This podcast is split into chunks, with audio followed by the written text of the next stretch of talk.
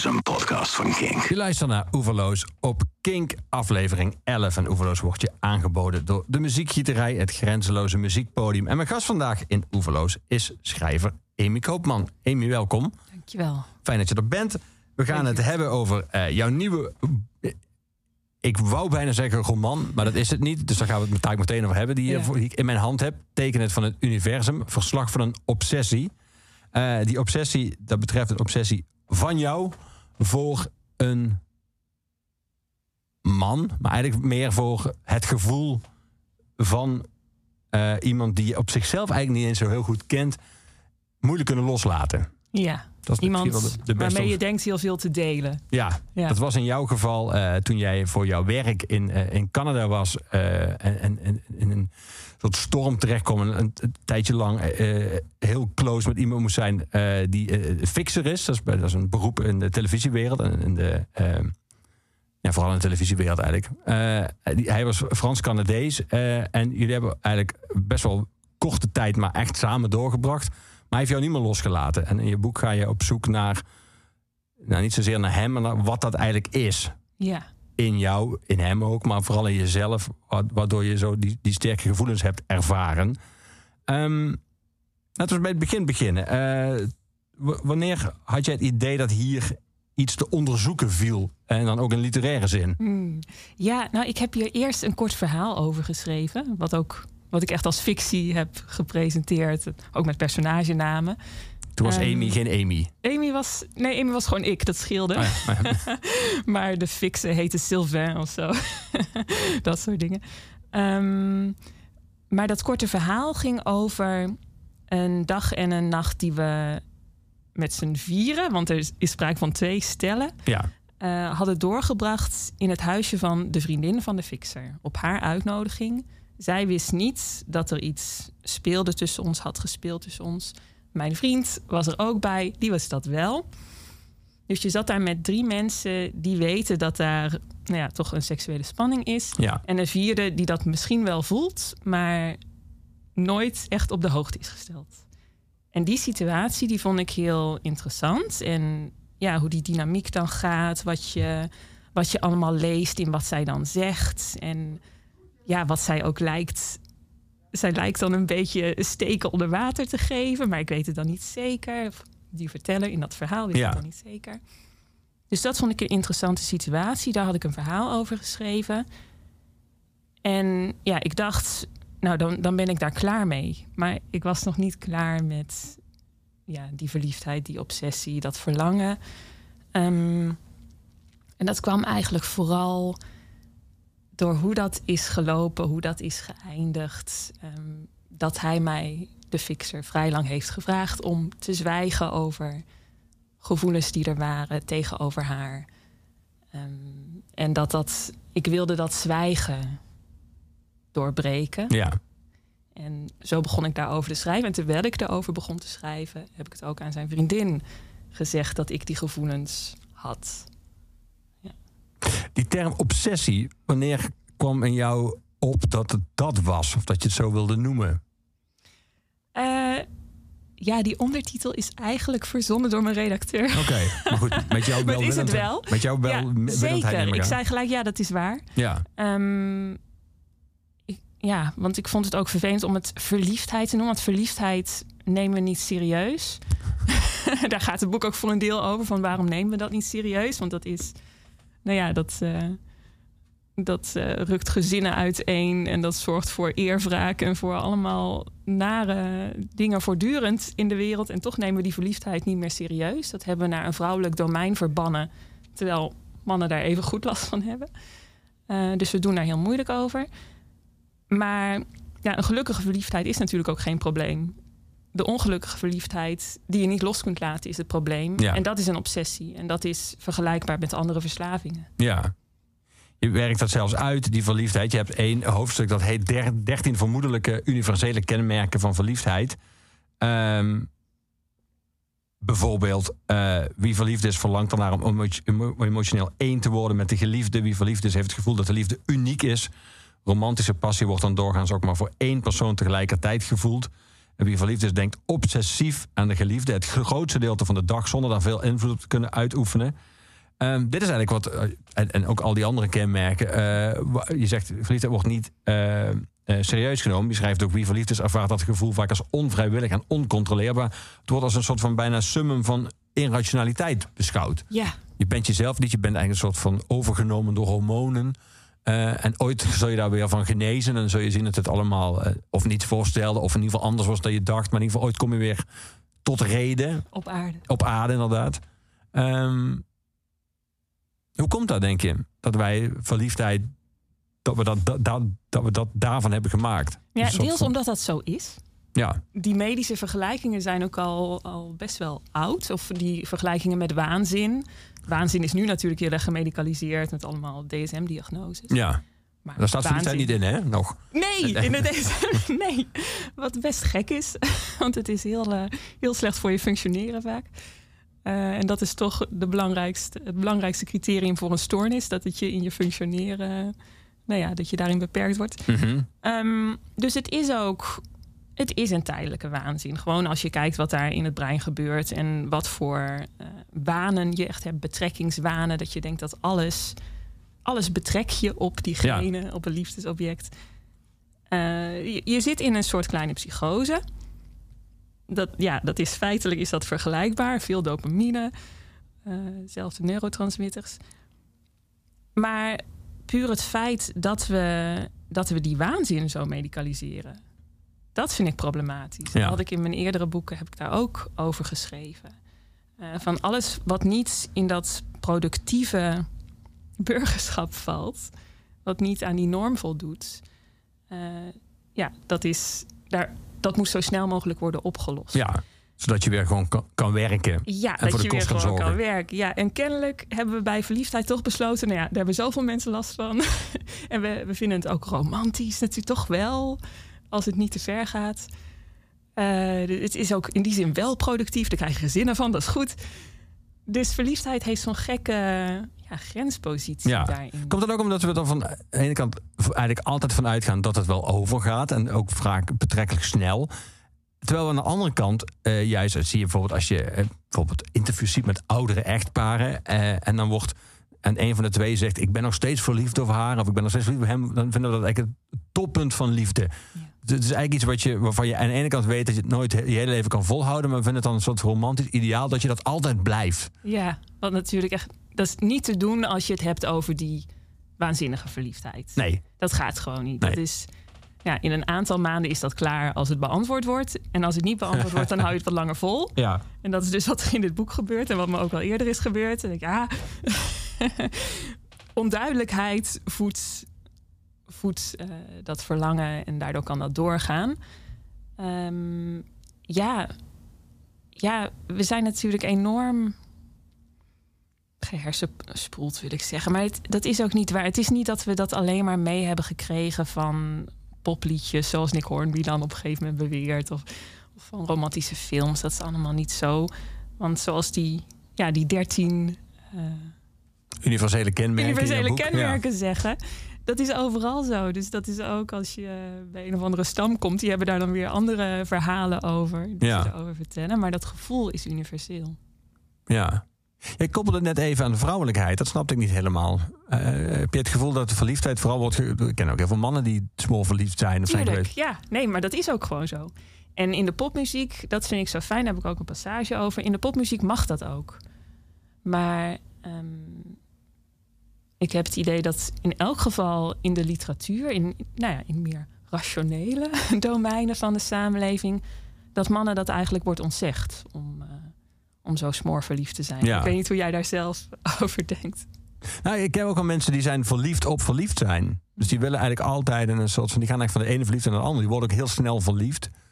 En het is bijna als de verliefdheid over is... en je zou denken dat er een soort van verdieping van is... is het, is het eigenlijk voor hun afgelopen. En dan willen ze weer naar de volgende verliefdheid. En dat zijn dan vooral mannen of vooral vrouwen? Die jij kent. Even nadenken hoor. dat hebben. Volgens mij is het redelijk evenwichtig verdeeld. Ja. Maar dat kan ook in mijn vriendenkring liggen. Hoe ervaar jij dat? Eh, zijn dat dan niet jongere mensen? Want daar word je toch ook doodvermoeid van? Ja, dat is heel vermoeiend. Ik denk Ja. dat verliefdheid sowieso heel vermoeiend is. Je zei net al, het geeft je ook energie, maar per saldo denk ik dat het je ook wel kan uitputten. Ja, ja, want dat is die verslaving natuurlijk. Ja. En als jij steeds van verliefdheid naar verliefdheid gaat, dan ben je eigenlijk gewoon ja, daaraan verslaafd. Ja. Nou, daar gaan we het bijvoorbeeld over hebben. In deze, eh, deze oeverloos. En over heel veel andere onderwerpen uit je boek. Maar we gaan ook muziek draaien. Muziek eh, van jouw keuze. Muziek eh, die op de een of andere manier iets voor jou betekend heeft. Die jou heeft geïnspireerd. Nummers die je gewoon heel erg mooi vindt. En we gaan beginnen met iemand die ons helaas onlangs is ontvallen. Ik heb het over Mark Lennigan. Je had natuurlijk uit heel veel kunnen kiezen. Want hij heeft eh, met de Screaming Trees en Queens of the Stone Age... en prachtige soloplaten van hem. Hij heeft ook die samenwerking met Isabel Campbell. Eh, daar heb jij er eentje van gekozen. Eén nummer van ze samen. Het nummer Come On Over, Turn Me On. Eh, laten we even beginnen met Mark Lennigan zelf. Was hij een van jouw meer dierbare... of misschien wel meest dierbare artiesten? Oei, meest dierbaar. Nou, dat dan weer niet. Dat is het gekke. Bij Mark Lanigan is het echt zijn stem voor mij. Ik vind, als je hem vergelijkt met al die andere mannen met donkere stemmen, zoals Nick Cave, Tom Waits, ehm, dan vind ik eigenlijk dat hij de mooiste stem heeft.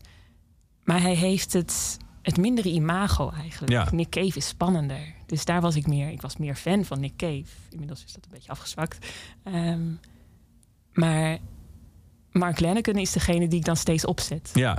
Ik zit even over die drie na te denken. Want ik snap heel goed dat je dit rijtje van drie noemt. Maar ik denk van die drie was Mark Lennigan ook de minst theatrale. Ja. Hij stond er liefst eigenlijk in het donker. Klopt. Eh, ja. Terwijl Nick Cave en Tom Waits hebben natuurlijk een soort hele theatrale performance. eh. ja, ik zag Mark Lanigan een keer live en dat, was, dat is niet om aan te zien natuurlijk. Maar het is wel prachtig. ja. Ja. En, wa- en waarom heb je dan uit dat hele oeuvre van hem eh, gekozen voor een nummer waar hij samen met Isabel Campbell... ze hebben natuurlijk twee albums samen gemaakt. ja. Nou, dat is vanwege eh, aansluiting bij het boek. Dit is toch wel een van de meest opwindende liedjes, weet ik niet. Dit is, ja, dit is wel een liedje dat ik ook veel heb gedraaid in perioden van verliefdheid. Ehm, ja, ik vind dit een, een heel spannend, zwoel lied. Ja, En ik vind het mooi dat, een, dat het een duet is. Dat ze allebei hetzelfde verlangen zingen. ja. We gaan naar luisteren. Come on over, Turn Me On van Isabel Campbell en Mark Lennigan.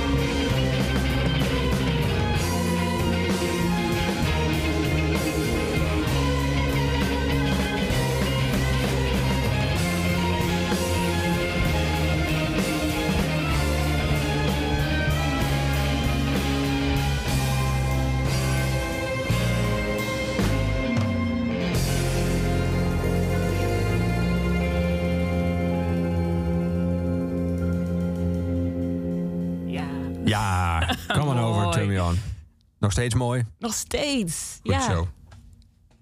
Je schrijft op een gegeven moment, als je het hebt over het contact met A... want in jouw, eh, in jouw eh, boek heet hij A, dus initiaal A, de, de fixer. Eh, want heeft A ook niet gelijk over de gevaren van e-mail? Misschien is dat een deel van ons dat al met vuur aan het spelen is. Het zal niet de eerste keer zijn dat ik in een licht ontvlambare correspondentie beland. beland. Of nu op papier is of op het scherm, er kan ineens een zin staan die iets lijkt te beloven, wat niet waar te maken valt. Een zin, zin vol van de vurigheid van een moment dat onvermijdelijk onverdraaglijk vlijend is, maar dat met het verzenden aan de ander werd vereeuwigd, in hars gegoten, niet meer terug te trekken.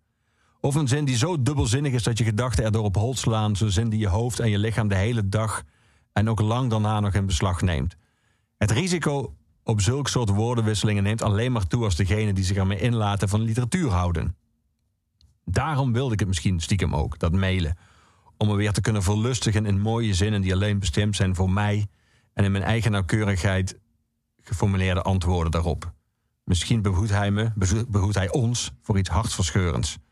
Ehm, Onvermijdelijk vliedend. Niet Ja. onvermijdelijk vlijend. ja. maar kan vlijend zijn wat dan onvermijdelijk vliedend is. Oh ja, ik zei, ik zei vlijend. dat kan allebei eigenlijk. Ja. Maar dat, dat idee van eh, dat als je dat, dat je vooral van mailen houdt eh, en dat, dat, dat, eh, dat dit, deze risico's, maar ook de schoonheid ervan het mooiste is als iemand anders die aan de andere kant van de mail zit van literatuur houdt. Dat deed me een beetje denken het idee dat je, en wil ik straks nog verder met je over hebben, dat ook de basis ligt natuurlijk van het hele boek, maar dat je, dat je ook van de werkelijkheid al heel snel het soort van literatuur maakt. Als je in een mailconversatie terechtkomt met iemand die ook graag refereert naar andere literatuur en die ook heel erg van taal houdt, voor je het weet zit je eigenlijk met z'n twee gewoon eh, eh, een boek te schrijven naar elkaar. Ja. Eh, als jij iemand zou treffen die, die jij mail stuurt, die jij houdt van schrijven, en diegene niet, die zegt alleen maar ja, nee, is dit, dit is hele, is dit alles wat je zojuist schrijft natuurlijk meteen afgelopen. Ja. Ja, Ja. het is bekend dat eh, Kafka veel romantischer was in zijn brieven naar zijn geliefdes dan, Dan als in werkelijkheid. daadwerkelijk een minnaar. Dat is nooit echt gelukt. Ja, Flaubert ook. Ja, maar het, er wordt natuurlijk vaak over gesproken of mailen, of dat eigenlijk wel een soort van het nieuwe brieven schrijven is. Maar zoals jij het nu beschrijft, is het eigenlijk gewoon een briefcorrespondentie, maar dan op een laptop Ja. en dan niet op papier. Ja, dat is het ook. Ja, het is jammer dat bij deze fixer dat niet echt van de grond kwam, want hij Nee. hield niet van mailen. Nee, Hij wilde liever bellen. ja. Ja, Ben jij een beller? Nee, ik ben geen beller. Absoluut niet. Maar hij was wel goed in bellen. Dus hij had daar wel gelijk in. Zijn charme werkte wel het best via de telefoon. Ja. Maar dat, als je dat probeert te analyseren, dat, dat mailen, wat is dat? Wat is dat? Is het het feit dat je er heel veel tijd voor hebt en het feit dat je inderdaad ook, zoals je beschrijft, sommige dingen kan invullen. Dat je bij elke zin, als je die op de tweede keer leest, nog iets kan lezen wat er niet staat, maar misschien tussen de regels door wel min of meer staat. Ja. ja, ik heb een heel hoofdstuk over. Ja, ik, ik verwijs daar al naar natuurlijk. eh, dat, dat het me eerder is overkomen. En daar gaat ook een heel hoofdstuk over. Ja. Over de meest geslaagde, in die zin, de meest opwindende mailrelatie die ik had. En diegene die was daar ontzettend goed in. In dubbelzinnige zinnen schrijven. En hele mooie dubbelzinnige zinnen schrijven. En dat je nooit helemaal weet waar je aan toe bent. Ehm, maar iemand, ja, dat, dat hangt compleet van de persoon af. Want je kunt natuurlijk ook hele heldere zinnen schrijven. en dan is het niet zo lang spannend wat je zegt als iemand alleen ja of nee zegt. Nou, dan is het klaar. Ja, Dus je moet wel allebei een beetje die broeierigheid willen, willen aanzetten. ja. Het is ook wel ook heel, maar ongetwijfeld is dat ook, eh, en daar refereer je ook al naar, eh, de aantrekkingskracht ervan ook heel gevaarlijk. Door eigenlijk in al die, ook al die zaken over grensoverschrijdend gedrag, de appjes van de artiesten die nu eh, op de zwarte lijst staan, was het altijd zo dat die appjes nooit 100% alleen maar seksueel getint waren, maar wel eigenlijk wel, maar dan kon je ook nog een soort van het ontkennen. Het, het, het- zeg maar, tussen de regels door spelen en het spelen met dubbelzinnigheden is natuurlijk aantrekkelijk en is tegelijk ook gevaarlijk. Als iemand een manipulatief karakter heeft of kwade bedoelingen, kun je natuurlijk ook heel veel mee aanrichten. Want je Ja. nooit letterlijk hebt gezegd wat er staat. Ja, en, en je weet het dan ook niet, hè? Of iemand het doet om voorzichtig te zijn, om zich niet helemaal te geven. Ja, Eh, omdat hij niet zeker is van wat jij vindt. Eh, of dat het daadwerkelijk manipulatief is. Ja, dat is het ingewikkelde. En als vrouw ben ik dan geneigd om te denken dat vrouwen daar duidelijker in zijn dan mannen. Uh, maar daar heb jij misschien weer hele andere ervaringen mee. Nee, dat klopt wel, denk ik. Ja? Ja, dat was in mijn ervaring. Waarom doen jullie dat? Wanneer mail jij meestal? Ben jij een nachtmailer? Oh, je gaat die vraag niet beantwoorden. nee, dat is fijn in dit programma. Ja, jij jij zit aan die kant en ik zit aan deze kant. Ja. Eh, wanneer mail ik meestal? Ehm, ben ik een nachtmailer? Niet meer, denk ik. Hm. Tegenwoordig, Nee, sla- tegenwoordig slaap je ook wel. s'nachts. Ja, tegenwoordig slaap ik s'nachts. maar ook wel. Nee, ik denk dat ik dat nooit echt heb gedaan. En dan wel vanwege dat spel. Van je gaat niet s'nachts iemand terugmailen dat hij kan zien dat jij s'nachts hebt gemaild. Dan mag je even Ja, ja, tot een normaal moment. ja.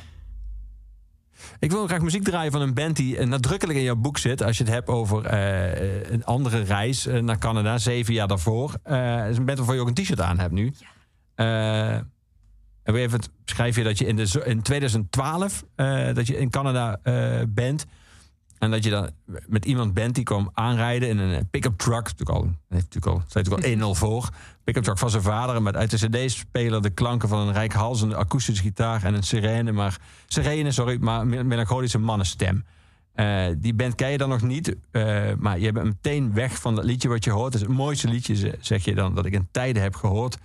En dat zijn de Bar Brothers, die ook uit Montreal komen, waar je op dat moment bent. Zij komen niet uit Montreal, maar zij zijn opgericht in Montreal. Ze Ja. hebben daar in hun gebouw, het flatgebouw waar ze woonden toen ze daarheen gingen, hoorden ze de klanken van een harp. En toen hebben ze op de deur geklopt en die harpist in hun band geïntegreerd. En toen werd het de Bar Brothers. Dat is echt zo'n verhaal dat waarschijnlijk niet helemaal zo is gegaan. Maar het is gewoon veel te mooi om dat ooit te checken. Precies. Ben je ze blijven volgen en blijven draaien? Of is het voor jou, eh, ben je nu, als ik dit nu draai, dadelijk gewoon weer in 2012? En is dat heel erg aan die periode vastgehangen? Eh, nee, ik ben ze wel redelijk blijven volgen. Ik heb ze ook niet al te lang voor de pandemie nog in de kleine zaal van Paradiso gezien. Dat is heel mooi. Ja, Ja, die nieuwe plaat, relatief nieuwe plaat, die vind ik ook weer ja, schitterend. en het shirt wat je nu aan hebt, heb je ook Is van daar een nieuwe gekocht. plaat. Ja, heb ik daar gekocht. Dat is een officieel tourshirt. ja. Is dat je laatste concert voor de pandemie? Nee, dat was de Murder Capital. Ah. Ja, dat was goed. En daarna ging alles op slot. Ja. En heb je inmiddels al een eerste concert na de pandemie gehad? Ehm, nou, wel zo'n beetje in het midden. ja, Left of the Dial, dat festival. Oh ja. En daar was Francis of Delirium, die jullie nu ook draaien. Dat vind ik heel gaaf, want dat vond ik echt het, eh, ook weer het beste bandje dat ik in tijden had gehoord. Wat natuurlijk niet zo gek is als je twee jaar niks hebt gehoord.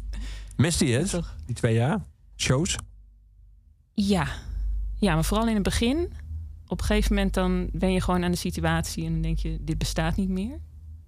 Wauw, je had echt het nieuwe normaal Ja. eh, Ja. ervaren.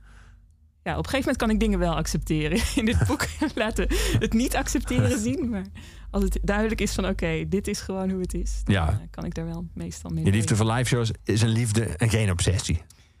Misschien ja. ja. Waarom dit nummer van de Bar Brothers? Waarom dit nummer? Nou ja, Dat, het staat dat, het klonk uit dat klonk uit zijn pick-up truck. Ja, nee, maar... Maar het maakt is- dat veel uit? Als je iemand, eh, als je zijn Dat algemeen... iemand een goede muzieksmaak heeft, ja. Ja, nee, dat, dat sowieso. Dat zou ik niet eens vragen. Dat spreekt zo voor zich. Maar ik bedoel meer waar je en wanneer je een nummer voor de eerste keer hoort. Wat een soort eerste indruk is van een band. Bijvoorbeeld dit nummer, dat hangt neem ik aan voor jou. Je ziet nu hem uit die pick-up truck waarschijnlijk. Ja, maar ook weer niet hoor. Hmm. Dat, is wel, dat is daar ook wel weer van losgezongen. Dat kan dus wel. Dat kan wel. En ik vind dit liedje vind ik zo. Vind ik ook textueel heel sterk. Ik vind het muzikaal heel mooi en heel gevoelig. Maar ook textueel. Het is een, het is een verslavingsliedje. Maar dat wordt nooit helemaal rechtstreeks zo uitgesproken. Hij heeft daar allemaal hele mooie metaforen voor Ja. bedacht. We gaan dan luisteren. Even over wat je net zei. Eh, ik zei dat is heel vanzelfsprekend, maar sommige mensen vinden dat helemaal niet. Het is wel belangrijk voor jou dat iemand met wie jij bent ook gewoon van goede muziek houdt. Ja, en nou is het zo dat mijn huidige geliefde, met wie ik al een tijd ben, die ook in dit boek voorkomt, ehm, had niet in eerste instantie een muzieksmaak. Die had niet zo heel erg veel met muziek.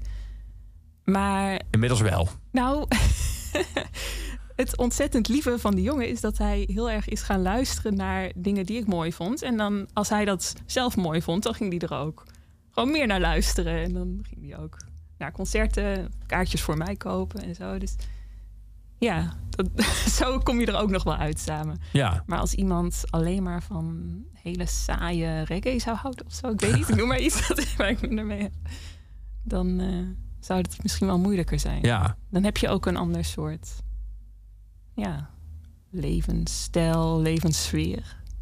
ja, of iemand die helemaal niet van muziek... of mensen die op favoriete muziek antwoorden top 40. Ja, Mensen die gewoon houden van wat er op de radio is Ja. op dat moment. Welke zender het ook is. ja dat kan. Voor wie muziek gewoon ge- een geluid is... dat het stilte, de ongemakkelijke stilte doorbreekt. Ja, dan moet iemand wel echt iets anders meebrengen om dat te compenseren. Een hele grote boekenkast. Ja, precies. Ik denk dan altijd dat dat ook niet zo het geval is, eigenlijk. Maar dat, het slaat dat natuurlijk helemaal nergens op. Nee, ja, voor sommige mensen is dat echt los van elkaar. Ja. Gek. We gaan naar de Brothers luisteren. Bagger in the Morning.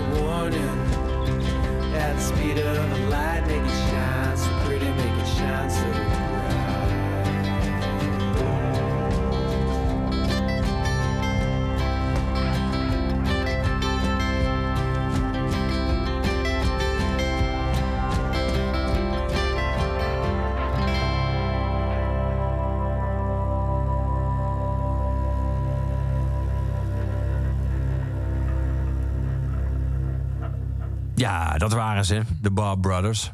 Mooi nummer. Nog steeds. Nog three. steeds Hij gaat verder. Doen we even subtiel wegveden nu. Langzamerhand gaat hij zo. Beginnen houden ze niet meer op. Hoe lang ben jij gothic geweest? Ik was echt alleen een weekend gothic. Ik was je was, wel ook maar, alto. je was ook maar heel kort met de A op een camera. Dat kan heel boek aan. Kan, Ja, dat, dus- dat zegt bij jou niet zoveel, nee, dat is waar. kan een heel nee. heftig weekend zijn kan geweest. heel heftig. Nee, maar het, was, het, was wel, het waren wel meerdere weekenden. Oké, Eh, nee, ik was op, op de middelbare school. Een beetje de tweede helft van de middelbare school was ik wel echt alternatief. Ik zat ook in een bandje. Eh, dat was geen gothic bandje. Hoewel het soms een beetje die, die kant op ging. We hadden wel liedjes over zelfmoord. Ehm, maar toen ik ging studeren, dat was in Utrecht. Daar had je, daar had je gothic feestjes. ja.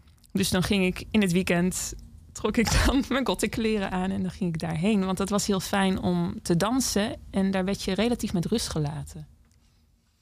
Er was een veilige. Toen, bestond de term safe space nog niet, maar dat was een veilige omgeving. Nou ja, dat denk je dan in, eh, in eerste instantie. Maar die scene heeft ook best wel zijn problemen. Ehm, waar ja, dat hoofdstuk dat je hebt opengeslagen ook een beetje over gaat. Ja, En nou sterker nog, ik denk dat zonder nu meteen eh, heel judgmental te zijn, zo bedoel ik het niet, maar ik denk dat het geen toeval is dat sommige mensen door die muziek en die thematiek eh, zich aangetrokken voelen. Dat het ook wel iets zegt over je eigen gemoedstoestand. Tuurlijk. Als je alleen maar blijmoedig door het leven huppelt en geen enkele aantrekkingskracht hebt tot de donkere kant ervan, denk ik niet dat je heel snel bij gothic uitkomt. Dat, dat zal zeker zo zijn. Ja, en dan is het altijd de vraag, wat, wat is er eerst? Nou, ik denk inderdaad eerst de, de sombere gesteldheid... waar de muziek dan mooi mee correspondeert. Ja, Ehm, daarover gesproken in jouw geval. Eh, je schrijft op een gegeven moment eh, dat je in 2009 dat je in eh, Toronto, Canada zat en toen was jij, ik citeer, literaire verkrachtingsscènes en ethische filosofen aan het bestuderen in aanloop naar mijn masterscriptie. Waar Ja. ging jouw scriptie exact over? eh, nou ja, over literaire verkrachtingsscènes. ja. Ehm, nou, ik had daarvoor had ik al een bachelorwerkstuk. Of Was het, mijn, het was mijn. Hè? Nou weet ik het niet meer zeker. Nee, ja, mijn bachelorwerkstuk ging over, over gothic fictie. Ja, En over het grensoverschrijdende in gothic fictie. eh, vooral, dat is meestal op seksueel gebied. Als je kijkt naar alle vampierverhalen. En dat is... Soms heeft dat ook echt iets bevrijdends in die gothic fictie. Je hebt heel veel lesbische vampierverhalen Ja. bijvoorbeeld. Maar dat is meestal toch bedoeld om dan te zeggen: dit is verkeerd. En aan het eind worden de vampiers eh, ja, doorboord of wat dan ook. word ik En dan- gestraft. Precies, en dan is de status quo weer, weer hersteld. Eh, daar ging mijn bachelorwerkstuk over. En ja, ik had daar een filosoof bij genomen, Georges Bataille, die heel erg houdt van die grensoverschrijdingen. En die daar best wel verlustigend over, over heeft geschreven. En ik ging daar ook een tijdje wel in mee. Maar dat lukte me toch niet zo lang, omdat je eh, ja, als je realiseert welke daadwerkelijke pijn achter bepaalde scènes zit, als je dat voorstelt, dan, eh, ja, dan is het heel decadent om daar romantisch over te doen. Dus dat was meer, mijn masterscriptie werd dat Mhm. van, dat, dat was meer een, een ethische blik op verkrachtingsscènes. Van, eh, als je dat, als je die pijn en die vernedering dan beschrijft, hoe kan dat op een manier eh, dat, dat de lezer daar ja, empathisch op reageert. En dat je dus niet die, die dynamiek van die vernedering weer versterkt. En dat je weer opnieuw een, een vailleur maakt van de lezer. eh, en, en zo dat, ja, die, dat, dat versterkt eigenlijk. Dat je dat dus niet versterkt. Ja. Maar betekent dat eigenlijk dat je op een niet seksueel opwindende manier erover moet schrijven? Dus dat je, Ja. dat je de Eigenlijk pijn wel. van het slachtoffer Ja. centraal moet stellen en niet de lust van de dader? Dat is wel, ja, en niks moet natuurlijk. En dat was, dat was ook wel, dat is het lastige met ethiek en kunst om dat samen te brengen. Dat kan eigenlijk niet. En het was ook, dat was ook niet de richting die die, die scriptie uitging. Van dat ik voorschriften gaf van en zo en zo moet Gij het zult. en dan is het goed. Nee, maar meer van wat voor wat zijn de verschillende effecten van verschillende beschrijvingen en wanneer komt die lezer in een houding van voyeur en wanneer krijgt hij juist ja, dingen aangereikt om daar tegen in te gaan. En dan kan het alsnog een hele expliciete scène zijn. Ehm, maar als je, daar, als je daar inderdaad wel de pijn van het slachtoffer laat zien. eh, en dat dat de overhand heeft in plaats van het genot van de dader. Of eh, de, de machtsgevoelens van de dader. Dan, ja, dan, geef, je, dan geef je alsnog, reik je alsnog dingen aan om Ja. er tegen in te gaan. Of als je daar weer op reflecteert, als je wel eerst het genot van de dader laat zien, maar daarna doe je weer iets anders, waardoor dat in twijfel wordt getrokken. Nou ja, Ja. Ik moet nu denken aan een Franse film, Irreversible. irreversibele. Irreversibele. Ik kan hem drie voor Frans. Ja, dat wat. is heel, heel naar. Ja. Ik denk niet dat veel mensen daarna denken van... goh, laat ik eens iemand gaan verkrachten. Dat, eh, Nee, maar ik kan me wel herinneren dat er discussie over was. Over het Ja. feit dat die scène zo lang duurde. Dat Ja. sommige mensen vonden dat eigenlijk ook een soort van. eh bijna verkrachtingsporno werd. Eh, terwijl het argument juist ook van de regisseur was dat hij bewust ook, ook bijvoorbeeld niet de camerapositie wisselde. Het was afstandelijk gefilmd en het was. Hij wilde juist die pijn in zekere zin laten voelen zonder dat hij, dat hij de, seksualiteit ervan benadrukt. Het ging hem juist om het soort voelbaar maken van de vernedering. Maar daar was wel discussie over toen herinner ik me. ja, ja, en dat is heel lastig. En Susan Sontag heeft daarover ook gezegd... van altijd eigenlijk als je een aantrekkelijk lichaam laat zien... in een, een houding van vernedering, een, een situatie van vernedering... dan wordt de kijker, de toeschouwer, de lezer, wordt failleur... en dan, eh, dan, dan ben je een, een soort porno aan het maken. En er zijn altijd mensen die er opgewonden van worden... Ehm, dus moet je dat doen? Dat, dat is een vraag, dat is een terechte vraag. Eh, en ik zou nooit zeggen dat je iets moet censureren, maar wel dat je daar als maker rekening mee moet houden. Ja. Wat, wat heb ik nou de wereld ingebracht? Het lijkt me ook wel een naar onderzoek voor een deel voor jou. Want je hebt al die scènes moeten lezen. Ja. ja, maar dan als het onderzoek wordt, dan kun je daar goed afstand tot nemen. Ja, weet want je- ik was dan echt aan het Dan uitzoeken. weet je nou, wat je is doet. de Dat is, dat beste? is eigenlijk gewoon bronmateriaal. Precies. Zo bekijk je het dan ook. Ja, ik lees het dan voor wat is de beste scène om aan mensen voor te leggen om te kijken wat hun reacties zijn. Ja. Het- Ergens als je, het, eh, als je het kort hebt over die gothic tijd en die gothic feestjes en eh, jezelf vergelijken met andere meisjes toen ook op, op die feestjes, dan kom je even bij een scène uit op een slaapkamer van een jongen en zeg je dat je die scène heel goed herinnert, maar dat je hem in eerste instantie in detail wilde beschrijven. Dat is een hele nare herinnering. Eh, en vervolgens besluit je dat niet te doen. Maar er zit een zin in waar waarin jij schrijft: Ik heb mezelf immers voorgenomen om te gaan waar de schaamte zit. Dat was jouw voornemen bij het schrijven van dit boek. Dat was een soort van taak aan jezelf om Ja, dat te doen. ja, dat is wel een taak. Ik denk sowieso dat je moet proberen om dat er wel iets op het spel staat bij het schrijven. En bij het schrijven over jezelf moet je genadeloos zijn, anders moet je niet doen. Ehm, Maar genadeloos is iets anders dan compleet. Ja, oh, maar het is dus ook niet compleet. Nee, nee precies. Nee, daar Die scène eh, laat ik hier niet zien. Ja. Ehm, Maar je hebt dat wel dus overwogen bijvoorbeeld. ik heb dat wel overwogen. Ik had hem dus ook eerst geschreven. En toen dacht ik, ja, wat, wat voegt dit toe? Eh, waarom zou ik dit erin zetten? Eh, dan wordt het echt voyeuristisch. Als ik gewoon zo'n jong meisje laat zien dat volgens hedendaagse normen verkracht wordt. Niet volgens mijn ideeën toen. Eh, ja, dan doe je dus precies wat, wat Susan Sontag dus zegt. Ja. Dus heb je weggegooid. Die heb ik weggegooid, maar ik geef je wel genoeg om, om een idee te geven van hoe ik me toen voelde. Ja. Dus hij is niet helemaal weg. Moet je dat eerst schrijven eh, voordat je kan beoordelen of je het eh, in het boek gebruikt? Of zou je dat ook hebben kunnen bedenken zonder dat je hem zelf had uitgeschreven? Ik denk dat het schrijven daarvan wel geholpen heeft om te beslissen. Om het niet ja, te dit, dit, Ja. dit past dus niet. Dit is niet goed. En dat, wat dat betreft is het wel gaan naar waar de schaamte is.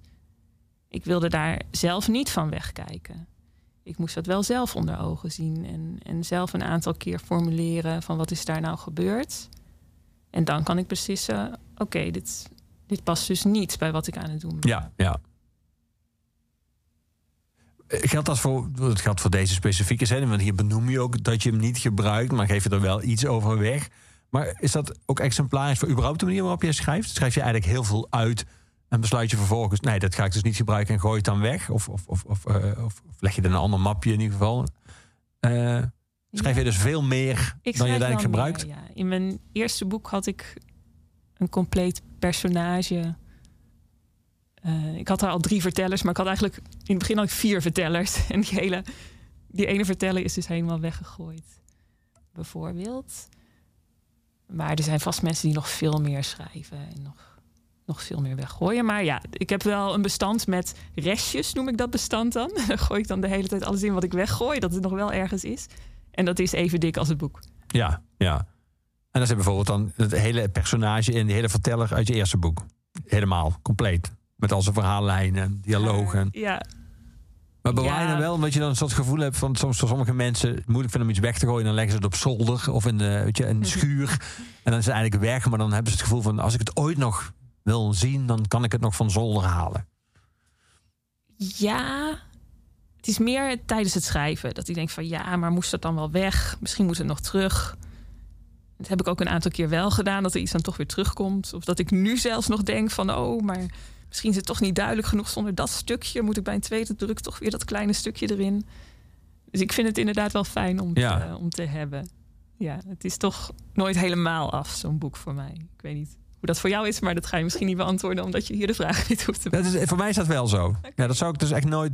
eh, ik heb wel een boek waar een latere druk, soort, maar dat was non-fictie, waar een soort hoofdstuk werd toegevoegd van een soort van hoe het ondertussen verder ging. Ja, Maar eh, ik denk toch dat ik dat denk ik wel als afbeschouw eh, als het er is. En dus ook niet meer eh, iets nog zou toevoegen. Zelfs als ik dan achteraf vind dat dat had gemoeten, zou ik dat niet meer doen, denk ik.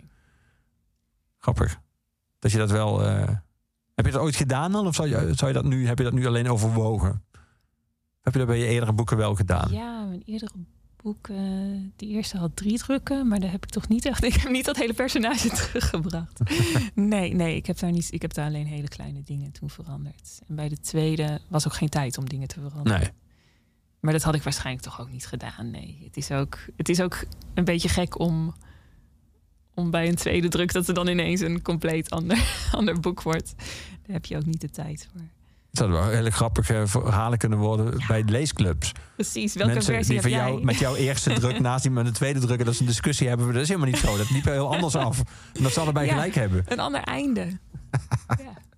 We gaan muziek draaien. Eh, we gaan naar Fiona Apple met eh, Under the Table. Waarom, eh, waarom deze? Ja, staat ook weer in het boek. Ja. er zit gewoon best wel veel heel muziek in het heel boek. veel dus Dat, dat is fijn. Ehm, ja, Fiona, die, die nieuwe plaat van haar 2020, dat is, ja, die is zo compromisloos en stoer gedaan.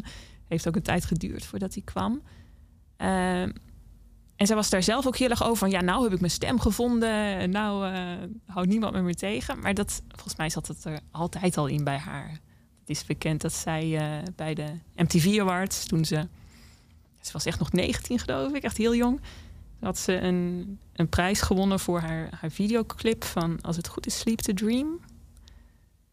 En eh, toen, toen mocht ze een speech geven... en toen zei ze echt zoiets van ja, jullie publiek moeten niet denken dat wij zo cool zijn. Van this world is bullshit. geloof in jezelf, geloof niet in ons. Dat deed ze toen al. En dat, dit liedje gaat eigenlijk ook weer over. Ja, dat is. Ik vind het bewonderenswaardig hoe zij tegelijkertijd heel kwetsbaar kan overkomen en waarschijnlijk ook is. Eh, en heel krachtig. Ja. Dat vind ik. Ja. Heb je wel eens live gezien? Nee, nooit. Jij wel? Nee, zo vaak komt ze ook niet. Nee. Nee. We gaan naar de luisteren. Under the Table.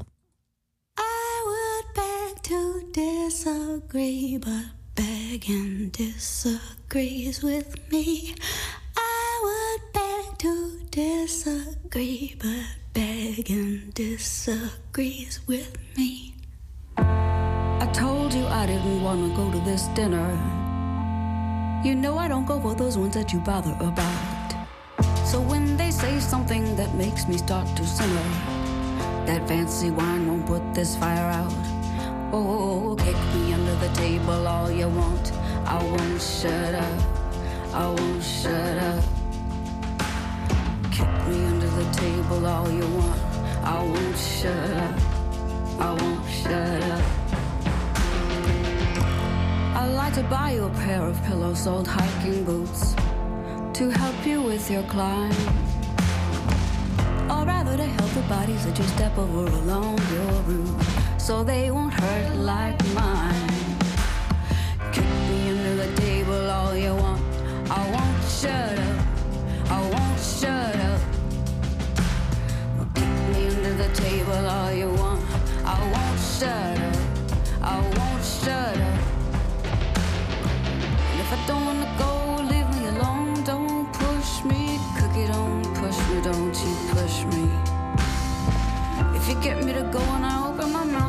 talking mutton what they're talking about. You could pout, but don't you, don't you, don't you, don't you, don't you shush me, mm-hmm. kick me under the table all you want.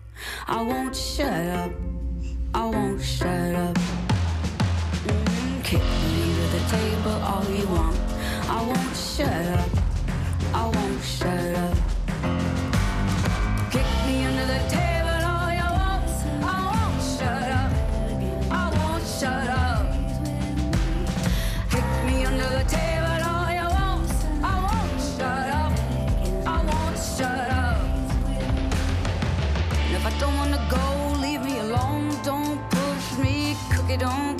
don't you push me. If you get me to go on, I open my mouth to the fucking mutton that they're talking about. You can pout, but don't you, don't you, don't you, don't you, don't you shush me.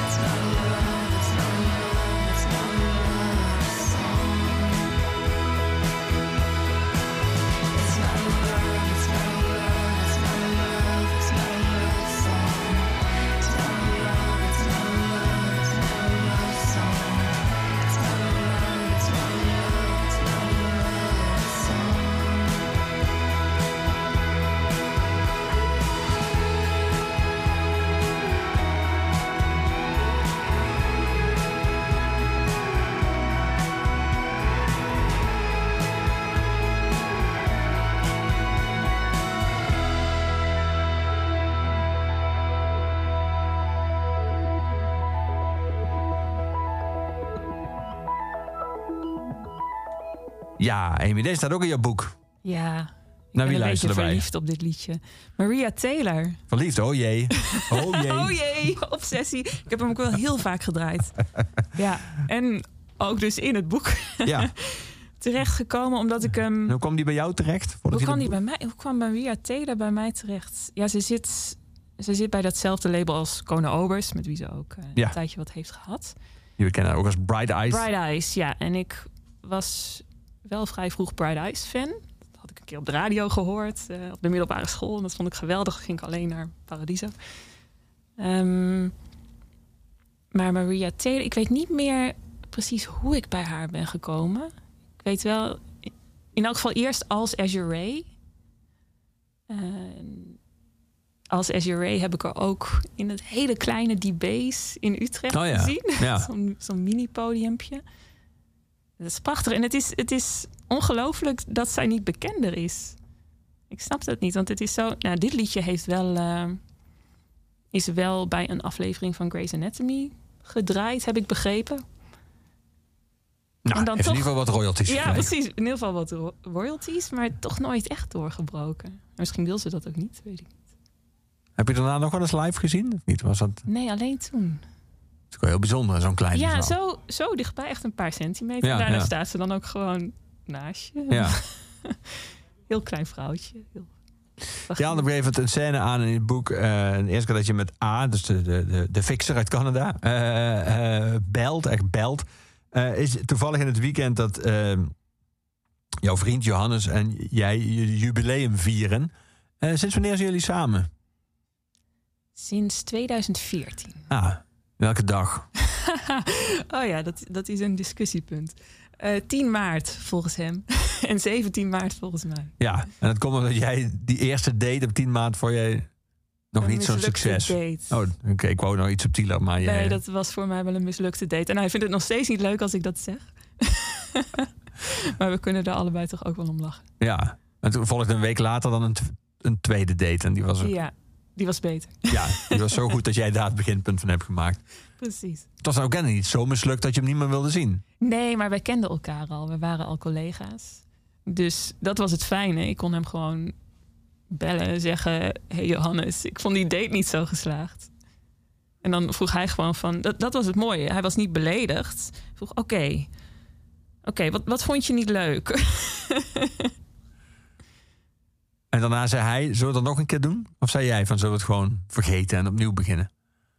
het was wel hij die, die dat... Hij heeft heel erg het initiatief genomen voor die relatie. En dat ja, nou ja, gelukkig met maar... succes. Gelukkig maar, want anders als je het mij laat doen... dan ja, Dan, dan lag er nu een boek over hem, maar had je geen relatie. Precies. Dan, eh, ik loop te hard van stapel en ik wil, ik wil allerlei acties ondernemen en eh, iemand voor me winnen, terwijl dat absoluut niet is wat van vrouwen wordt verwacht. Dus het is heel fijn als dan de man degene is die wel gewoon zijn taak doet, zeg maar. Je beschrijft in dit boek in datzelfde stukje, in het hoofdstuk een beetje discipline, dat eh, jullie daar de discussie over hebben, over wat nou de, de datum is. Je noemt dat niet, maar je zegt dan nu dus 10 en 17 maart. Ehm, je hebt daar in je boek trouwens nog over een kleine mislukking, dus op zich heb je nog bijna op papier mild geweest. Eh, het grappige is dat, dat je vervolgens schrijft, vond ik, dat het hem want, eh, als Duitser eh, irriteert dat wij Nederlanders zo losjes zijn met, met data en met feestdagen. En dat we kerst niet met kerst vieren en Pasen niet met Pasen, maar gewoon wanneer het uitkomt. eh, en verjaardagen gewoon zes dagen later vieren of niet. Ergste of van tevoren. De vind- verjaardag van oh. tevoren vieren, dat kan echt niet. Dan bevriest hij gewoon als je daarover begint. Want dan ben je nog niet waard, zeg maar, want je bent het nog niet. Is dat het idee? Ja, dat, dat vraag ik dus steeds van. Is het dat jinxen daarvan? Van ben je dan bang dat er iets gebeurt? Maar Dat je 29 verjaardag hebt gevierd en dan twee dagen ervoor overlijd je of zo. Je ja, nou dat, dat kan ik me voorstellen. Dat, dat gevoel ken ik nog wel. Maar nee, het is toch. Het is echt een punctualiteit ook. het is heel stom. En ik denk ook niet dat je dit van alle Duitsers zult kunnen zeggen. Maar Nou ja, bij hem zit het wel heel sterk. Ik denk wel dat je dat van, door zonder te generaliseren, kunnen, kunnen wij niet spreken natuurlijk. Nee. Eh, maar ik, ik, ik heb bijvoorbeeld, ik woon in Maastricht, dus ik ga best wel vaak in eh, Duitsland naar concerten. Eh, Duitsers zijn heel punctueel inderdaad. Zijn ook heel netjes, vind ik. In het begin dacht- was ik altijd, shit, de band is al begonnen. Maar dat was dan het voorprogramma. Dan staan ze er ook allemaal al. Praten ze ook niet. Ze klappen gewoon, ze luisteren. Ze hebben alles wat we Nederland niet doen. Ja, Eh, gewoon ouwe hoeren. Ja, ik vind dat wel prettig. Ze hebben ook een hele ironieloze manier van kunst benaderen. Ook voor Duitsland had je ook voor mij nog steeds boekenprogramma's die gewoon anderhalf uur duurden, waar één boek werd besproken. En volledige ernst, zonder dat er Ja. Twintig rubriekjes bij moeten. En nog een soort grappig gebbetje. ja, en nog een, eh, ik vind dat wel, wel fijn. ja. ja, het heeft ook iets moois natuurlijk. Eh, gelukkig is mijn vriend niet humorloos. Integendeel. nee, maar het is, ja, Hij is ook altijd op tijd aan, neem ik aan. eh, nee. Oh, Nee, dat is heel gek. Hm. Dat dan weer niet. Maar dus wel echt betrouwbaar. En dat is toch wel plezierig, ja. ja. Je schrijft op een gegeven moment dat je van A, dus de, de fixer, eh, waar jouw liefde zich op richt en, en vooral je fascinatie met jouw gevoelens daarvoor, eh, dat je eigenlijk gaandeweg natuurlijk een soort personage van hem hebt gemaakt, eh, waar je toe hebt, hebt te verhouden. Ehm, had je op een gegeven moment het gevoel dat jouw onderzoek en jouw uiteindelijk ook dit boek eigenlijk niet meer zoveel te maken had met de, zo bijna zeggen, de reëel bestaande A, maar meer wa- wat hij in jouw hoofd inmiddels was geworden? Ongetwijfeld. Maar die hele verliefdheid, die hele obsessie heeft natuurlijk vooral te maken met de fantasie en nauwelijks meer met de bestaande persoon. Er zijn een paar aangrijpingspunten uit de werkelijkheid. Ja, Die dingen die we de deelden. ontmoetingen, de bepaalde tatoeage die hij had. Ja. Allebei een ouder die was overleden in dezelfde maand. Ja, dat, dat soort dingen eh, waren er. En dan, ja, dan begint zo'n fascinatie. En dan wil je enerzijds wil je iemand helemaal leren kennen. En ja, ik, ik wilde dat helemaal leren kennen. Dat, dat is natuurlijk de impuls die je hebt als je verliefd bent.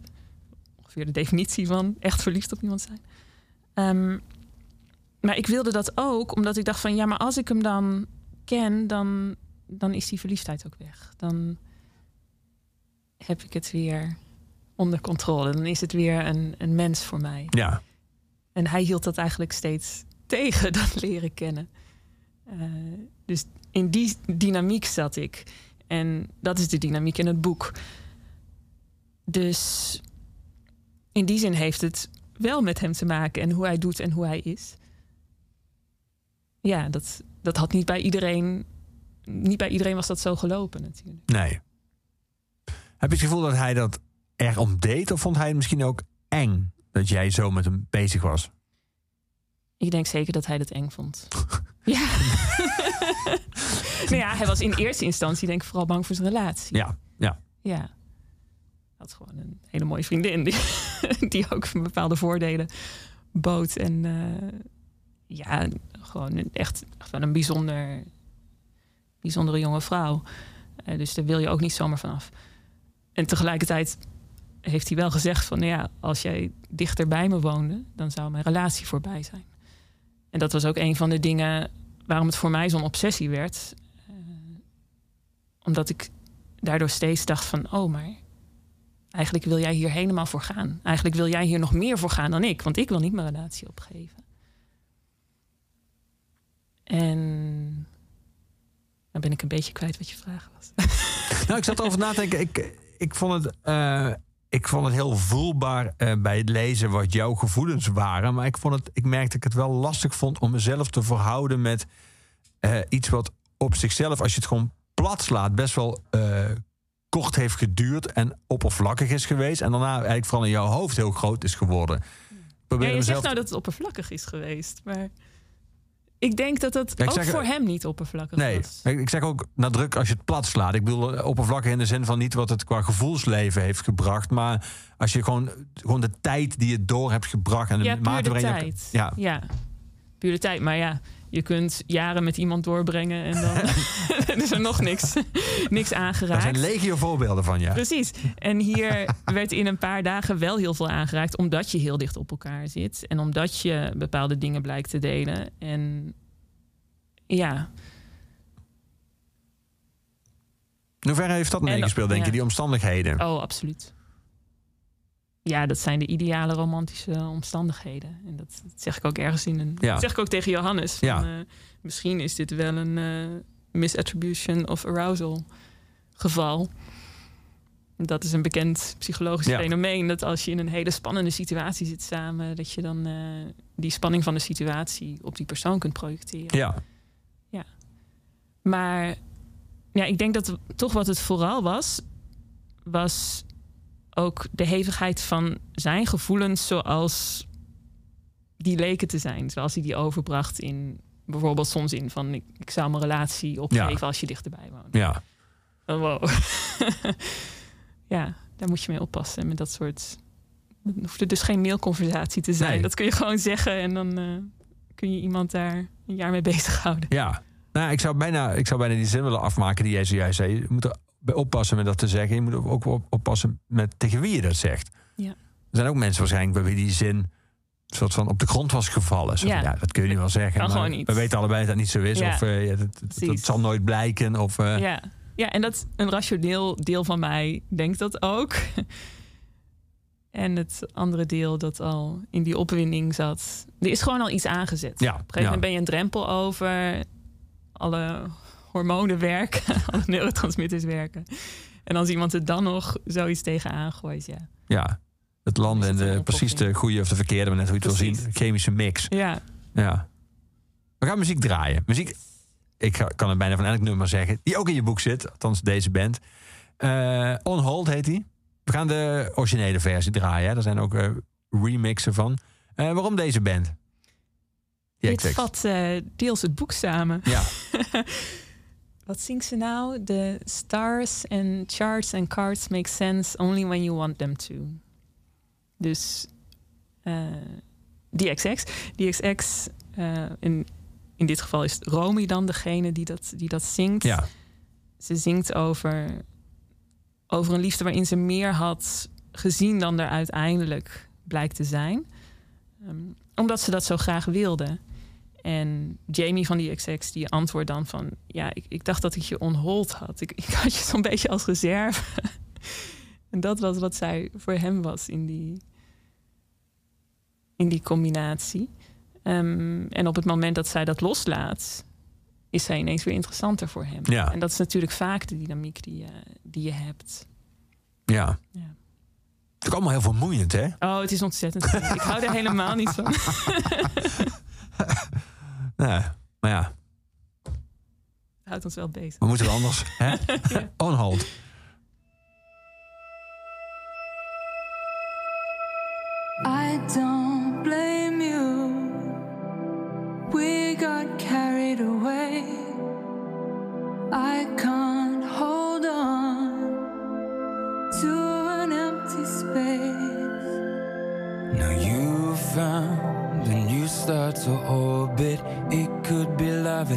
Too soon to call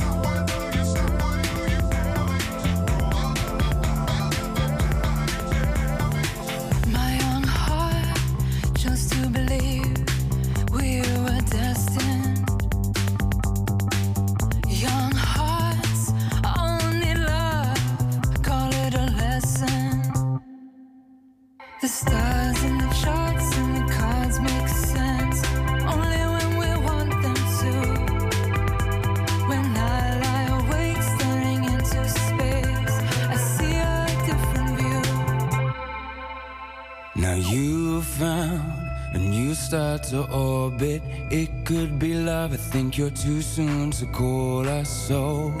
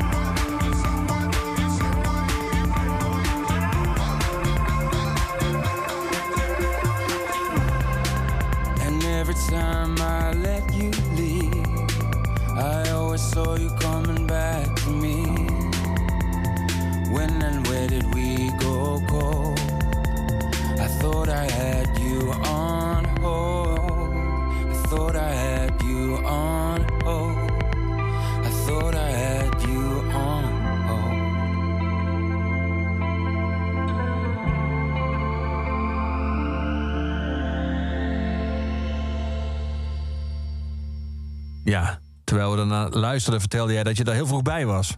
Ja. ja, ik zag ze op London Calling. En volgens mij hadden ze toen nog niet eens hun eerste plaat uit. Misschien net. In elk geval was de zaal half leeg ook nog eens. Eh, dit was Paradiso, de kleine zaal van Paradiso. Een half lege bovenzaal van Paradiso. Ja. Ja, en echt stond daar echt vlak voor dat podium. En ze waren heel aandoenlijk, want ze waren heel verlegen. En ze zeiden, na elk liedje zeiden ze... Thank you very much. Ben je ze blijven volgen daarna? Ze zijn inmiddels echt groot. In Ja. Grote zalen. ja. En dan wordt het toch iets minder interessant. Als ze dan zo... Ik vond de eerste plaat denk ik ook wel de beste. Ja. Maar het gevoel is nog steeds hetzelfde. Dit liedje is ook weer... Toch weer klassiek, vind ik. Ja. Je schrijft op een gegeven moment eh, in je boek over eh, je- eerste eh, seksuele ervaringen. Die waren eigenlijk allemaal, in ieder geval voor jou, eh, en dat lijkt me het belangrijkste, eh, niet prettig. eh, maar je, was, je leek heel erg bezig met dat je, dat, wel, dat je wel begeerd werd. En dat je dat ook kon. Dat je ook een seksueel wezen was. En gegeven moment schrijf je iets verderop dat je dan een, soort jongen een soort van afspraak maakt. Dat je een soort van vrije liefde hebben. maar dan ben je wel heel trots en blij dat hij naar het optreden komt van jouw band. Dat is bijna een soort filmscène. En dan zie je hem vanuit het, vanaf het podium waar jij in het optreden bent, waar hij naar jou komt kijken. Zie je hem vlichten met een meisje, dan met dreadlocks. Eh, dat kan hem. Dat kan niet vast van hele saaie reggae. Oh, daar komt die anti-reggae ding vandaan. Die hebben we toch gevonden.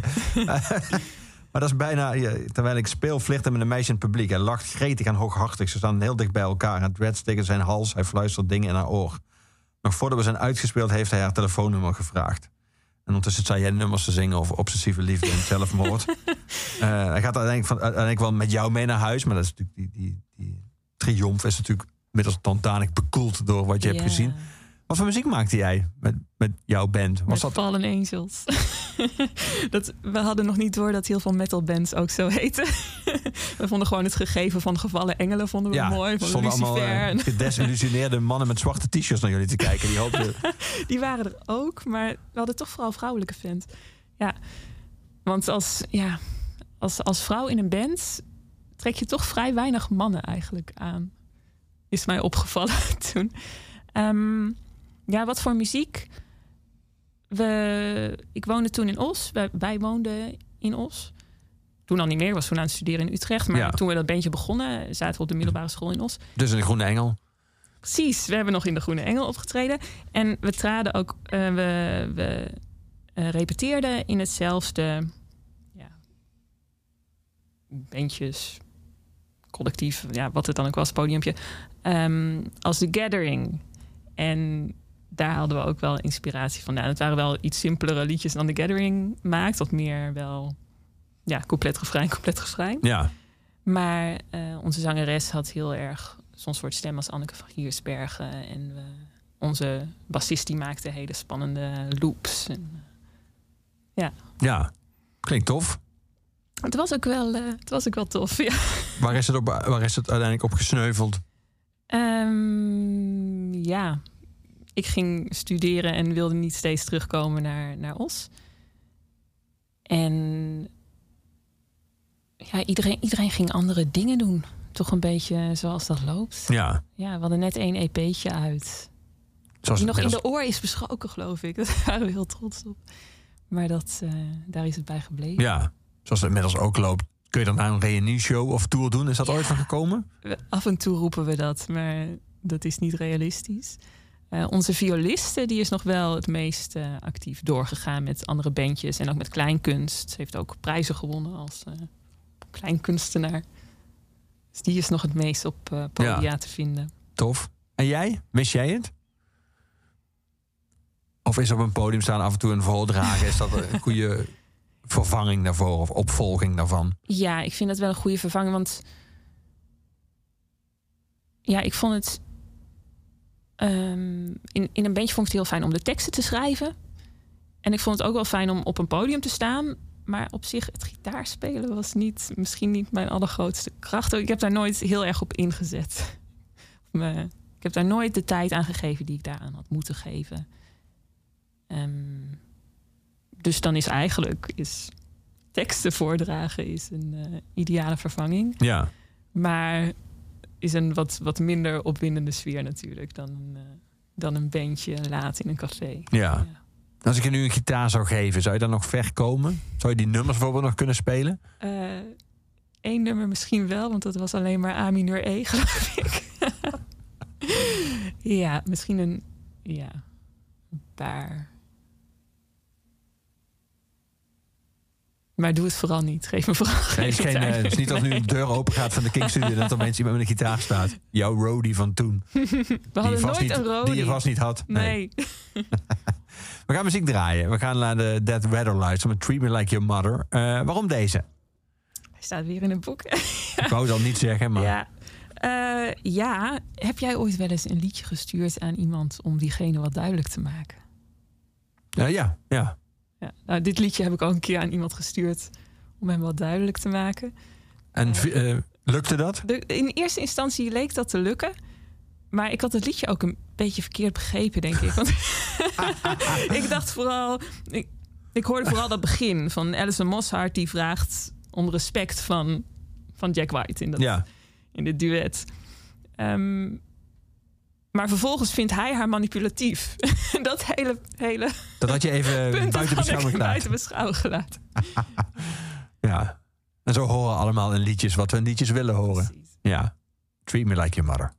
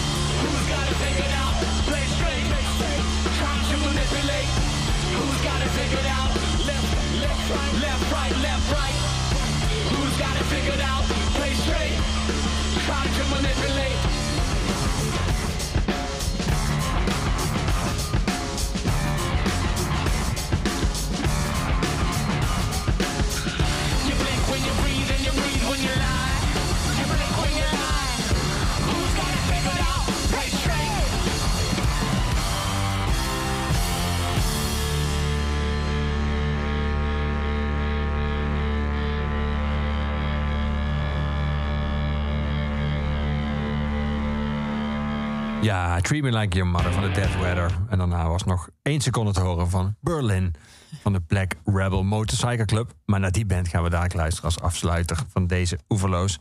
Eh Amy schrijft op het eind... Ik begon hierover te schrijven omdat hij, dus A, wilde dat ik zweeg. Omdat het zwijgen dat ik mezelf had laten opleggen... dat ik dat wilde opheffen. En vervolgens vraag je je af wat er misschien ooit nog kan gebeuren. En een van die opties is dat misschien belt A me op. Want dat doet hij. Hij belt. Hij is geen mailer. Als mailer dan nog bestaat überhaupt. Als hij in de 70 is. Misschien lukt het ons om opnieuw dicht bij elkaar te zitten. Maar dan met zodanig veranderde omstandigheden... dat we elkaar kunnen aanraken. Kunnen kussen zonder schaamte of schuld. En dat we, dan, dat, we dat ook nog willen, allebei.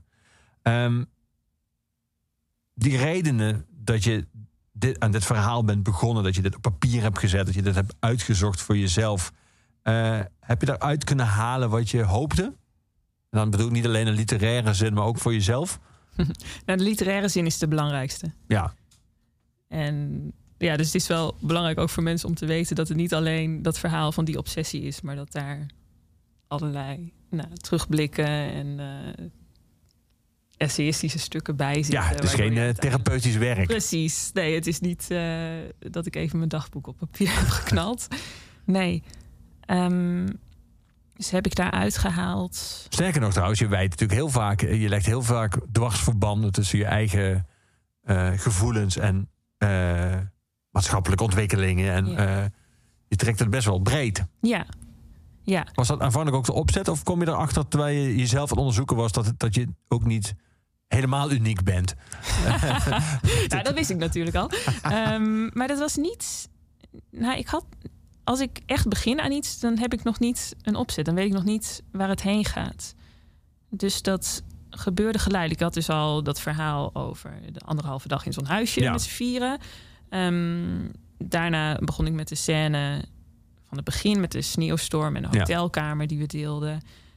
En ja, dan, dan ga je verder en dan ontwikkelt zich dat. Ehm, en ik, ik wist altijd al wel van... als ik hier meer van ga maken... als ik hier een heel boek van ga maken... dan is dat niet alleen dat verhaal Nee. van hem en mij. Dat, is gewoon, dat vind ik zelf niet interessant genoeg. Het- Je zou het, dat natuurlijk kunnen doen. eh, maar ik wil dat, dat mensen er wat aan hebben. Nee, ik wil dat ik dieper kom in die problematiek... in die dynamiek van zo'n obsessie. Ehm, dus dat wilde ik, maar zonder dat het, eh, dat het echt een psychologisch boek werd. Want ik ben wel opgeleid tot psycholoog. Maar ik wil wel dat de lezer zelf, dat er genoeg gaten zitten, dat de lezer zelf er een, de puzzel kan leggen. Zoals Ja. hij of zij dat wil. En dat, ja, ik denk dat dat wel is gelukt. Maar dat ik juist daardoor heb ik niet ook één antwoord voor mezelf van dit is waarom ik een aantal keer in zo'n soort dynamiek terecht ben Nee. gekomen. Maar wel algemener hoe zo'n dynamiek werkt en wat daar, ja, wat factoren zijn die daaraan bijdragen, zonder dat ik die dan als bullet points heb, eh, heb opgezond. Ja. Je zei eh, in ons gesprek, als je zo'n boek schrijft als dit... en überhaupt als je eh, schrijft, moet je genadeloos zijn voor jezelf. Moet je dat ook zijn voor de anderen? Want eh, Johannes, jouw eh, vriend, zit natuurlijk in het boek. A zit ook in het boek, nogal nadrukkelijk. Al weten we alleen dat die A heet. Heb je rekening gehouden, of vind je überhaupt dat je rekening moet houden met wat mensen die in het boek voorkomen van dit verhaal zouden vinden? Ja en nee. Eh, ja, dat is een lastige. Ik heb het gelijk aan Johannes gezegd van... hé, hey, ik, ik moet hier meer over schrijven. En gelukkig is hij iemand die dan gelijk zegt van... moet dat nu maar wel van oké, als het maar een goed boek wordt. Dus dat is heel fijn. Die strijd hoefde ik niet te voeren. Ehm, de fixer is zelf ook schrijver, dus begreep dat ook wel. Ik heb hem ook gezegd van, van ik ga hierover schrijven. Eh, en zijn vriendin eh, is een filmmaker die, ja, dat komt zelfs in het boek voor, Ja, dat, ze, ja. dat ze over een huisgenoot dingen aan het schrijven is, Ja. waarvan ik ze denken, nou, dat, dat zou ik toch even met rust laten. Ja, Dus ja, de, de belangrijkste personages in die zin zijn wel op de hoogte gesteld en konden ook hun zegje doen. Ik heb, ik heb hen die mogelijkheid gegeven. Dat hoefde Charlotte en, eh, en haar vriend de fixer hoefde dat niet zo nodig. Eh, Johannes heeft het helemaal gelezen. En, maar die heeft vooral commentaar gegeven van... eh, nou, dit vind ik nog niet overtuigend genoeg. Of hier ben ik wel heel lief. dat Ja, ja. zou ik toch een beetje afzwakken. Want dat heb ik wel gezegd, maar dat is te zoet. Dat soort dingen. Eh, het was wel 10 maart, punt. dat ook. Precies, dat meer. Ja, er zitten wel, er zitten wel een paar exen in waar ik relatief genadeloos, nou, maar ook weer niet helemaal genadeloos vind. Ik vind wel dat ik mijn best doe om ook hun perspectief te zien. En bij de mensen waarvan ik denk van, die moet ik ook beschermen, heb ik ook niet hun echt eh, Nee. hun naam gebruikt. Dus ik denk dat ik daar een balans in heb gezocht van wel wat voor mij nodig was om te vertellen, vertellen. Maar nog wel enige bescherming voor, voor de mensen die erin zitten. En vooral voor de zoon van de fixer. Ja. Mocht het ooit vertaald worden en in Montreal terechtkomen, dan wil ik gewoon niet dat die, dat die zoon daar last van heeft. Nee. Dat is ook een van de redenen. De belangrijkste reden om AA te noemen is literair. Ik vind het gewoon mooi. A, dat is echt. Dat klopt ook met. eh, Lacan zei dat ons, ons verlangen gaat altijd uit naar le petit objet A. Dus we hebben, we hebben een, een groot verlangen. Dat is het verlangen om terug te keren naar de baarmoederlijke staat. Ja, De symbiose met de moeder. Maar omdat dat niet kan, projecteren we ons verlangen steeds op een nieuw object. Dat is dan le petit objet A. Dus ik vond het ook mooi dat hij dan A Mhm. is. Zijn naam begon ook met een A. Maar eh, ja, een andere reden is wel dat het nog net één stapje lastiger is om te achterhalen wie het is. Je Ja. moet er wel achter komen, maar je moet wel je best doen. ja. Dankjewel dat je er was vandaag. Dat ja, ik vond het heel leuk. Ik vind het echt een geweldig concept. Eh, we naderen het einde van deze oeverloos. eh, Die wordt aangeboden door de muziekgieterij. Het laatste woord van iedere oeverloos is aan onze postuum huisdichter Luc de Vos. Het laatste nummer is altijd van Gorky. Maar we draaien nog één nummer eh, van jou, Amy. van een band die jou volgens mij ook dierbaar is. De Black Rebel Motorcycle Club. Met het nummer Spread Your Love. Eh, waarom deze, tot slot? ja, Your- dit is weer zo'n opwindend nummer. Andere mensen die worden misschien opgewonden van soul, maar ik word van dit soort muziek opgewonden. Daar ben je te wit voor. Ben- misschien ben ik daar te, is dit het. Ja, ik heb ook ooit gezegd dat ik een muzikale racist ben. Ik hou toch vooral van witte genres, stom genoeg. Ehm, ja. ja, spread your love like a fever. Alleen die zin al is Ja. geweldig. Eh, maar het, mooie in dat liedje is ook, daar zit een dubbelheid in. Want hij heeft het over een, een her, een, een vrouw die dat ook heeft gedaan. Spreading her love like a fever. Maar I only saw it once. She's bad, but not enough. En dan zegt hij, I'm so, so low. dus terwijl al die opwinding erin zit... Spread your love like a fever. I'm gonna spread my love like a fever. Doet die ander dat kennelijk niet dat is ook wel een beetje waar dit boek over gaat. Ja. Zou je het gewoon saai vinden eigenlijk als hij dan hetzelfde heeft als voor haar en zij voor hem? En het was gewoon eindgoed al goed. Nummer doet één minuut. Verliefd, levenslang gelukkig. Punt. Kijk, dan is, het, dan is het verlangen snel klaar natuurlijk. En dat is dan wel even heel fijn. En dan, ja, dan kun je weer naar een nieuwe. Dat kan natuurlijk. daar, daar maken we geen liedjes en boeken over. Nee. nee. Spread Your Love, Like a Fever. We gaan naar luisteren. Dankjewel. Graag gedaan.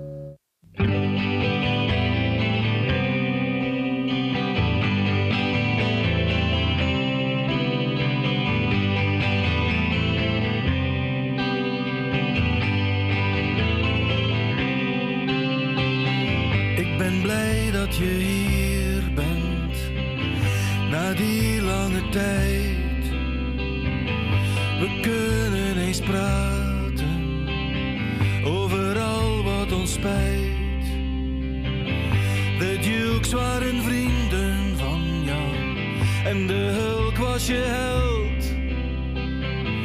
Ik was al te oud toen om met jou mee te doen, maar als de zomer.